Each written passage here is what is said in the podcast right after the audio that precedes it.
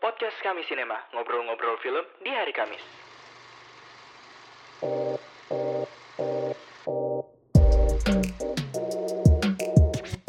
Selamat pagi, selamat siang, selamat sore, dan selamat malam buat kamu yang sedang mendengarkan podcast kami, podcast kami Sinema.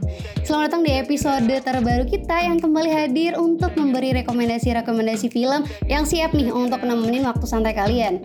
Hmm, ngomong-ngomong soal santai nih, nggak lengkap deh rasanya kalau nggak dilengkapin sama musik. Lagi santai nih kita dengan musik, galau dengan musik, seneng, sedih musik tetap jadi pilihan utama untuk jadi pelampiasan. So, inilah dia podcast kami Sinema episode ke-18, The Picture of Music. Sesuai judulnya nih, hari ini kita akan berbagi rekomendasi film-film dengan tema musik. Dan pastinya aku nggak sendirian karena udah ada Gaby. Hai Gaby. Halo. Ada Nadira. Halo. Dan ada juga Jason. Hai Jason. Halo semua. Uh, daripada kita berlama-lama lagi, kita langsung aja nih ke rekomendasi film pertama. Kita punya film asal Thailand yang bisa jadi merupakan film favoritnya Gaby. Boleh dong Gaby diceritain atau di berbagi nih uh, rekomendasi film pertama. Oke, jadi kayak yang udah dibilang Ibe bener banget itu salah satu film favorit aku kayak sepanjang masa. Jadi FYI dulu aku tuh penggemar berat film-film Thailand dan film Saksit ini ini tuh merupakan uh, first love aku terhadap film Thailand gitu. Kenapa aku suka banget sama film Saksit ini? Yang pertama karena kita ngobrolin musiknya dulu ya. Uh, mungkin teman-teman merasa kayak film tentang musik kok uh, dari film Thailand sih mungkin kayak gitu ya. Karena uh, film karena kita kayak merasa mungkin ya ketika nonton film Thailand mungkin dialognya aneh apalagi kalau misalkan musiknya atau lagu-lagunya. Tapi nggak tahu kenapa malah menurut aku justru itu yang membuat menarik gitu experience kita mendengarkan film yang bertemakan musik itu tuh dalam bahasa Thailand. Kayak uh, maksudnya musik-musik film-film dengan musik-musik Hollywood itu kan udah banyak ya. Nah ini tuh menurut aku perlu banget ditonton untuk experience kita dalam menonton film tema musik tapi dalam bahasa Thailand gitu dan film Saksit ini ini tuh hmm, mungkin teman-teman yang udah nonton Yowis Band 1, Yowis Band 2 itu tuh akan merasa kok mirip ya gitu. Jadi uh, aku kurang tahu mungkin film Yowis Band ini sedikit terinspirasi dari film Saksit tapi kurang lebih alur ceritanya uh, cukup mirip walaupun nggak yang 100% atau 75% mirip enggak. Cuman mungkin ketika kita nonton Yowis Band itu ada uh, kayak deja vu nih habis nonton film Saksit. Tapi film Saksit ini uh, versi Thailandnya juga enggak, cuman ya mirip lah gitu, mirip secara alur. Jadi secara garis besar mirip dengan uh, film Yowis Band.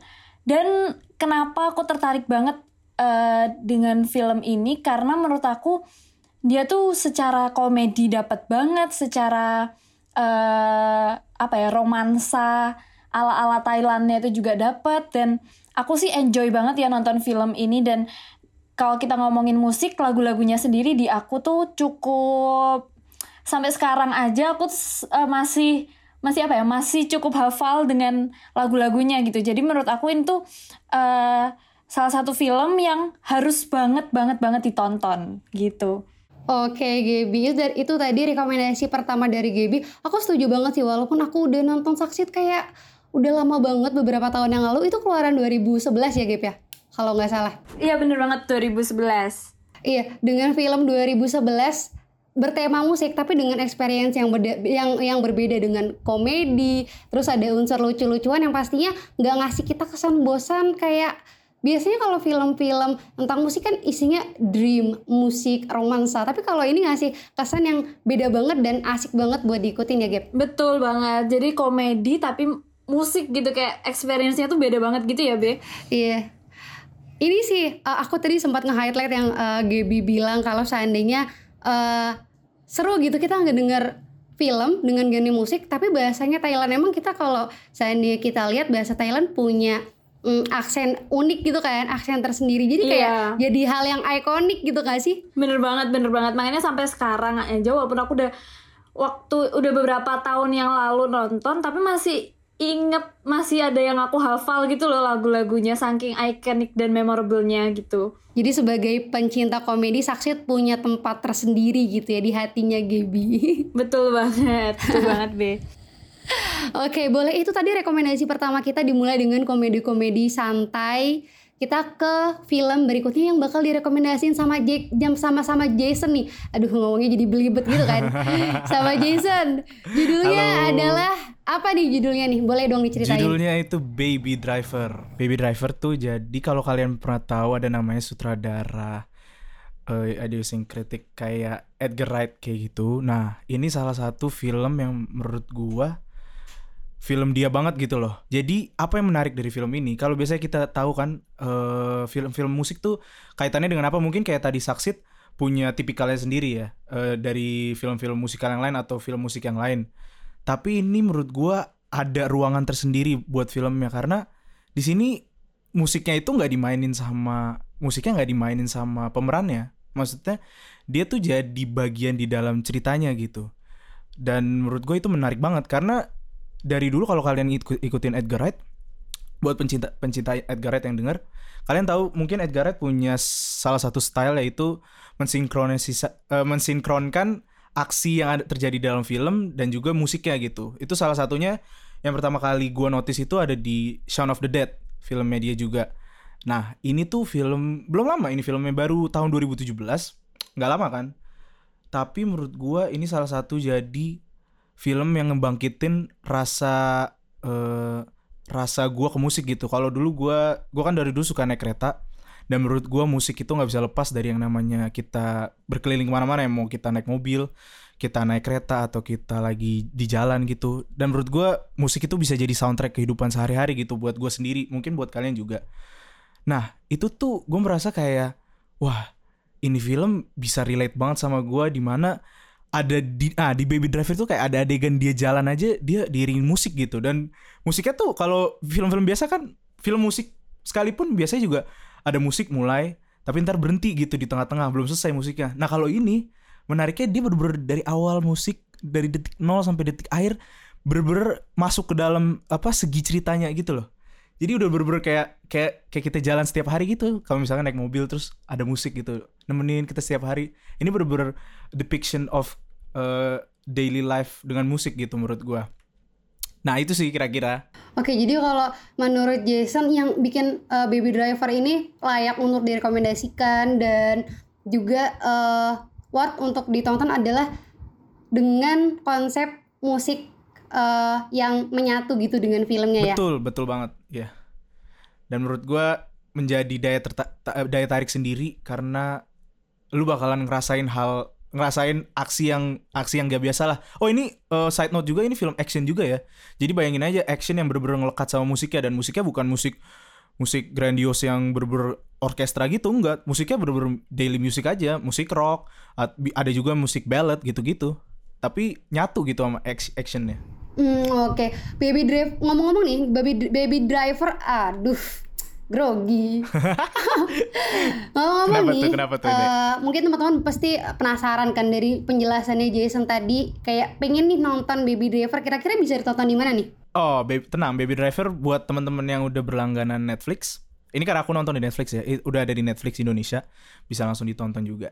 Oke, jadi tuh buat teman-teman yang eh, mau menonton film yang seolah-olah menyatu dengan musik, jadi musik nggak hanya sekedar pengiring aja, tapi juga jadi satu kesatuan di film, bisa banget segera langsung yang belum langganan Netflix beli di aku, enggak bercanda. Malah jualan. Jadi bisa nggak bisa banget kalian langsung cek net, chat Netflix sekarang juga, oke? Kita ke film ketiga. Ini film dari eh, Nadira dan pastinya juga nggak kalah spesial. Judulnya boleh dong langsung aja Nat. Eh, judulnya apa? Terus apa sih yang bikin kamu suka sama film ini? Oh, ini aku mau ngerekomendasiin film dari musisi yang aku suka banget gitu. Dia Lady Gaga aktornya sama Bradley Cooper. Nah, judulnya A Star Is Born. Ada yang tak pernah lihat, ada yang pernah nonton belum sih ini? Pernah dong. Wow, ini bener-bener keren. Dia rilis tahun 2018. Film ini tuh sebenarnya film remake keempat yang film perdananya tayang pada 1937. Yang bikin film ini keren juga itu si Lady Gaga dia nggak mau nggak mau lip sync dalam perekaman waktu dia nyanyi. Jadi selama bikin film itu adegan yang scene dia nyanyi itu bener-bener direkam waktu itu juga gitu. Terus uh, film itu sebenarnya film romantis juga, film romantis dan kayak gabungan dari romantis sama musikal gitu. Perjuangan dari seorang Ellie, tokonya si Lady Gaga itu memerankan soal uh, yang namanya Ellie. Ini keren banget sih, soalnya dia dia awalnya kan uh, si si Jack atau si Bradley Cooper itu itu ketemu ketemu si Ellie itu di di bar waktu iya di bar. Waktu selesainya si Jack ya karena si Jack itu pemabuk berat sebelum dan sesudah konser dia itu harus harus mabuk-mabukan kayak gitu. Dia ketemu di bar yang akhirnya dipertemukan dengan si Ellie yang di situ dia sedang nyanyi gitu. Tapi akhirnya jadi berujung kayak bukan ya kan ini di, kayak direkrut gitu jadi oh kamu ikut ikut aku jadi anak didikku gitu. Kayak gitu tapi sebenarnya ujung-ujungnya dia malah jadi sepasang kekasih. Dan yang bikin keren juga si Jack atau si Bradley Cooper itu juga sutradara sebagai sutradara dan aktor juga di film ini. Kalau boleh kalau boleh gue tambahin kali ya. Menurut gue ya jujur gue belum nonton A Star Is Born yang sebelumnya. Karena ini udah remake berapa kali kalau tadi nggak salah. Uh, menurut gue di film ini uh, biasanya romance romansa itu kan dibaluti dengan yang gem, apa yang sweet sweet gitu loh yang manis manis gitu loh. Tapi yang gue temukan di endingnya itu malah berbeda gitu. Kalau kalian nonton kalian nonton sendiri ntar. Justru lebih ke sisi tragis aja gitu. Walaupun pada akhirnya kedua karakternya dapat apa yang dia mau tapi ada ada hal tragis yang terjadi. Pokoknya biar nggak spoiler. Uh, ya gitu sih. Jadi jadi kayak unik aja. Walau uh, walau personal gue nggak terlalu memandang film ini sebagai bagus banget. Tapi dari segi musik gue bisa apresiasi karena kayak tadi yang udah uh, Nadira bilang si Lady Gaga nggak lip sync ya. Secara kita tahu dia juga udah musisi yang bener-bener udah, udah di atas banget gitu loh. Gitu sih menurut gue terus kalau menurut aku sendiri yang membuat kenapa film ini tuh harus masuk ya dan harus ditonton banget karena uh, lagu-lagu atau soundtrack soundtrack yang ada di film ini tuh jujur sukses berat sih jadi kayak apa namanya uh, lagu-lagunya kayak Shallow dan lain-lain ya pasti banyak banget yang uh, yang jadi soundtrack di film ini kayak I'll Never Love Again mungkin nih banyak temen-temen yang udah dengerin lagunya, udah hafal lagunya, tapi belum nonton filmnya. Bener jadi kayak, tuh. oh iya iya kan, jadi kayak menurut aku harus banget ditonton sih film ini untuk teman-teman yang belum nonton filmnya.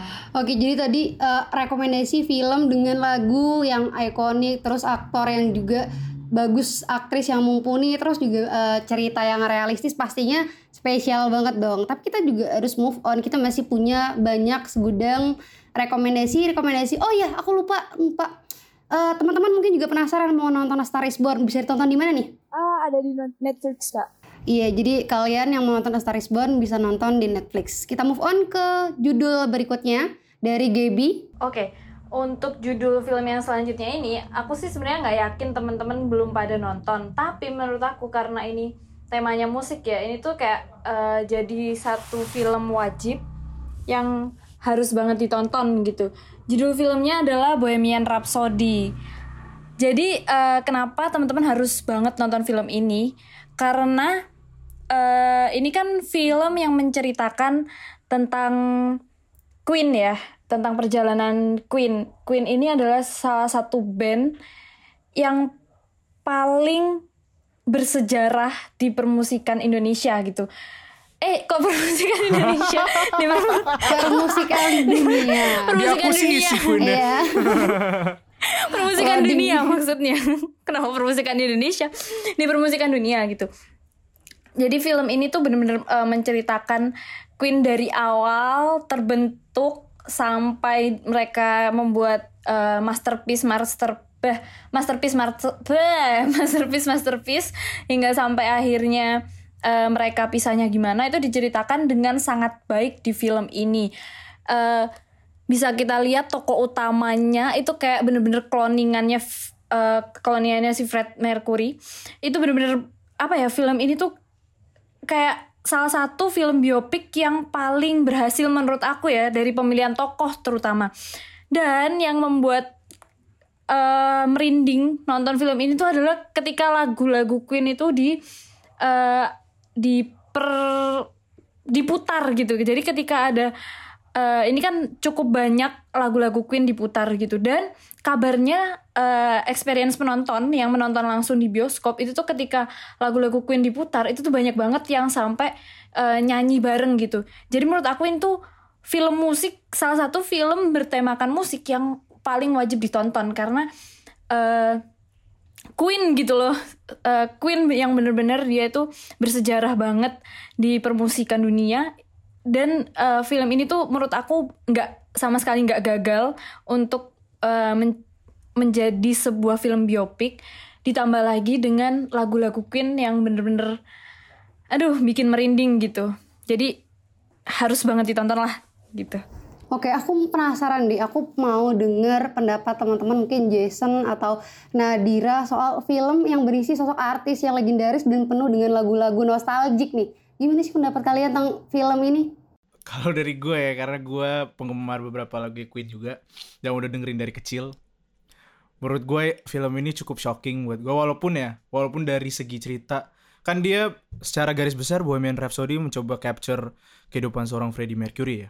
Walaupun ka- kalau yang dari dulu gue baca, ide awalnya itu bakalan lebih ganas filmnya gitu. Maksudnya lebih lebih jujur tentang Freddie Mercury itu kayak apa sih? Maksudnya dari segi nggak nggak dari segi yang baik-baik aja, cuman dari segi yang buruk-buruknya juga berusaha digali. Cuman di film ini nampaknya eh, terlalu banyak eh, sesuatu eh, terlalu banyak dramatisasinya. Cuman bagi gue personalnya gue cuman eh, suka sama bagian musiknya, which is Live Aid yang adegan terakhir semua orang pasti mau yang udah pernah nonton filmnya atau enggak pasti mereka mereka udah sering lihat juga di YouTube ataupun di TikTok klipnya dan menurut gue itu salah satu gue gue nangis sih pas nonton. Maksudnya gue kayak terharu gitu karena dari dulu gue nontonin versi live yang beneran dan sekarang gue bisa apa experience itu di big screen dengan orang yang beda gitu tapi dengan musik yang sama. Itu sih menurut gue yang jadi daya tarik utamanya. Kalian harus nonton. Kalau aku jujur aja belum nonton sih kak.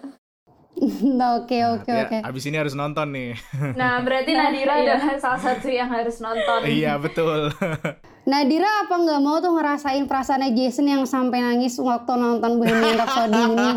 betul jadi harus banget nonton ya Boleh dilihat. Ini di- di- dilihat di mana kak? Nontonnya di mana? Tuh, jadi Nah, pertanyaan tuh nontonnya di mana? bisa nonton di mana? Oh iya tadi lupa ya untuk teman-teman yang kayak Nadira nih yang belum nonton mungkin bisa nonton Bohemian Rhapsody sebenarnya banyak banget platform yang uh, menyediakan film ini cuman yang ileg eh yang ilegal yang legal dan yang yang Gaby ngajarinnya dari- kok ilegal. mau langsung ke ilegal nih ya yang legal bisa tonton di Netflix gitu. Kita move on ke film berikutnya. Kembali lagi ke Jason dengan judul Rocket Man. Ini salah satu film. Kalau tadi Bohemian Rhapsody, ini antidote buat orang-orang yang sebel sama Bohemian. Maksudnya bukan sebel ya, maksudnya kayak agak kecewa lah. Karena Rocketman ini dia berhasil capture apa apa yang kira-kira ada di otaknya seorang Elton John. Nah, menurut gue di film ini kan kalau boleh kalau kalian belum tahu ya, eh, Freddie Mercury seperti yang udah diceritain di filmnya dia kan came out as eh, eh, gay kan, maksudnya eh, part of LGBT gitu. Dan si Rocketman ini juga berusaha membawa pesan yang sama. Jadi dua film rilis berbeda tahun yang berbeda, tapi menurut gue ini salah satu kayak mirror gitu loh. Kayak filmnya mirip-mirip, tapi menurut gue lebih berhasil capture eh, personal personal Elton John gitu loh. Karena kita lebih berasa intimate aja pas nonton dan lebih honest honest point of view dan El- uh, Elton John sen- sendiri pun masih hidup ya. Jadi dia bisa dia bisa ba- kasih banyak input dia bisa kasih banyak perspektif ke filmnya. Dan menurut gue itu menjadi salah satu daya tariknya karena di sini kayak tadi Lady Gaga yang di A Star Is Born kan nyanyi sendiri kan? Walaupun live ya. Tapi kalau di Bohemian si Rami Malek nggak nyanyiin sendiri. Maksudnya dia pakai suara Freddie Mercury. Tapi kalau di Rocketman eh, pemerannya Taron Egerton yang main di Kingsman atau yang main di Sing kalau kalian pernah denger eh, dia bener-bener nyanyi sendiri dan itu bener-bener satu album full. Ada berapa track ya? 15 16 lagu itu bener-bener dia nyanyiin sendiri. Dan ya ya udah jadi berasa ber, kayak ngerasanya kayak dia main live aja gitu. Dan gue sangat salut karena gue tahu Elton John itu punya karakter vokal yang yang susah gitu loh yang mirip-mirip Freddie Mercury lah. Dan menurut gue si Taron Egerton ini nggak berusaha untuk menyamakan vokalnya dia ke Elton John. Tapi dia membuat sesuatu warna yang baru tapi tetap familiar. Dan fans tetap suka fans Elton John tetap suka. Suka banget malah malah. Dan menurut gue film film ini berhasil di situ dan uh, kalian harus nonton banget kalau kalian suka musik. Karena ini ag agak musikal ya. Kalau Bohemian Rhapsody nggak terlalu musikal. Karena dia konsepnya musik aja gitu. Kalau ini musikal banyak koreografi, banyak apa-apa. Kalau kalian pernah nonton The Greatest Showman menurut gua ya ini selaras sama kayak gitu atau La La Land. Nah, ini musikal yang kayak gitu. Jadi itu kalian harus nonton buat yang suka musikal dan juga Elton John. Itu tadi salah satu film yang merupakan istilahnya kayak treasure buat uh, fans-fansnya Elton John atau fans-fansnya music dan masuk PR kalian nih yang suka-suka musik atau yang suka film bergenre musikal, kalian harus nonton banget deh. Kita beralih aja nih ke film yang berikutnya, film dari Nadira. Ini film terakhir by the way, jadi silakan Nadira. Oh, film yang terakhir ini bener-bener film yang diangkat dari kisah nyata dan bener-bener bikin nangis kalau udah nonton karena film ini ditulis langsung dari memoir yang ditulis oleh Laura Sobiek atau si ibu dari si tokoh utama yaitu tentang perjuangan si Zack melawan kanker osteokarsoma yang ia alami uh, sejak usia 14 tahun dan dia sempat juga dibilang kalau dia udah free dari kanker itu dan ternyata balik lagi gitu. Ah jangan banyak-banyak deh nanti spoiler lagi. Uh, oh ya film ini disutradarai oleh Justin Baldoni yang rilis tahun 2020. Film ini yang bikin keren juga dari film ini film itu itu bener-bener ada itu kan di di dalam film ini ada saat si Zack itu bikin YouTube bikin akun YouTube yang dia itu nyanyi gitu dan kalau kita lihat di YouTube itu bener-bener ada bener-bener ada dia bikin album gitu bikin lagu-lagu gitu. Itu bener-bener ada yang versi Zacknya asli gitu. Jadi kalau habis nonton film terus habis itu nonton video yang ada di YouTube tuh kayak wow keren banget. Berarti ini bener-bener bener-bener sebegitunya gitu perjuangan si Zack ini dalam melawan kanker. Dan karena dia dia itu pengen banget jadi musisi gitu kak. Kayak wow perjuangan dia buat jadi musisi tuh gak main-main gitu loh bisa ditonton di mana btw gue belum pernah nonton juga nih soalnya. Ini ada di platform streaming Disney plus Hotstar Hotstar. Oh oke okay, oke okay, oke. Okay. berarti gantian Jason yang harus yang dapat PR buat Iya, nonton film. bener bener bener bener. Gue belum nonton yang ini. Sama saksi tadi gue juga belum nonton. Oh ya, ah saksit mah harus banget. Waduh. oh iya iya. Siap siap siap siap. Dan itulah tadi rekomendasi-rekomendasi film dengan tema musik yang harus kalian tonton. Ya kurang lebih gitu. Uh, makasih banyak buat teman-teman yang udah ngasih rekomendasi-rekomendasi film. Dan inilah dia episode ke-18 podcast kami Cinema. Udah nonton ini. Selamat pagi, selamat siang, selamat sore, dan selamat malam. Sampai jumpa. Bye. Dadah semuanya. semua.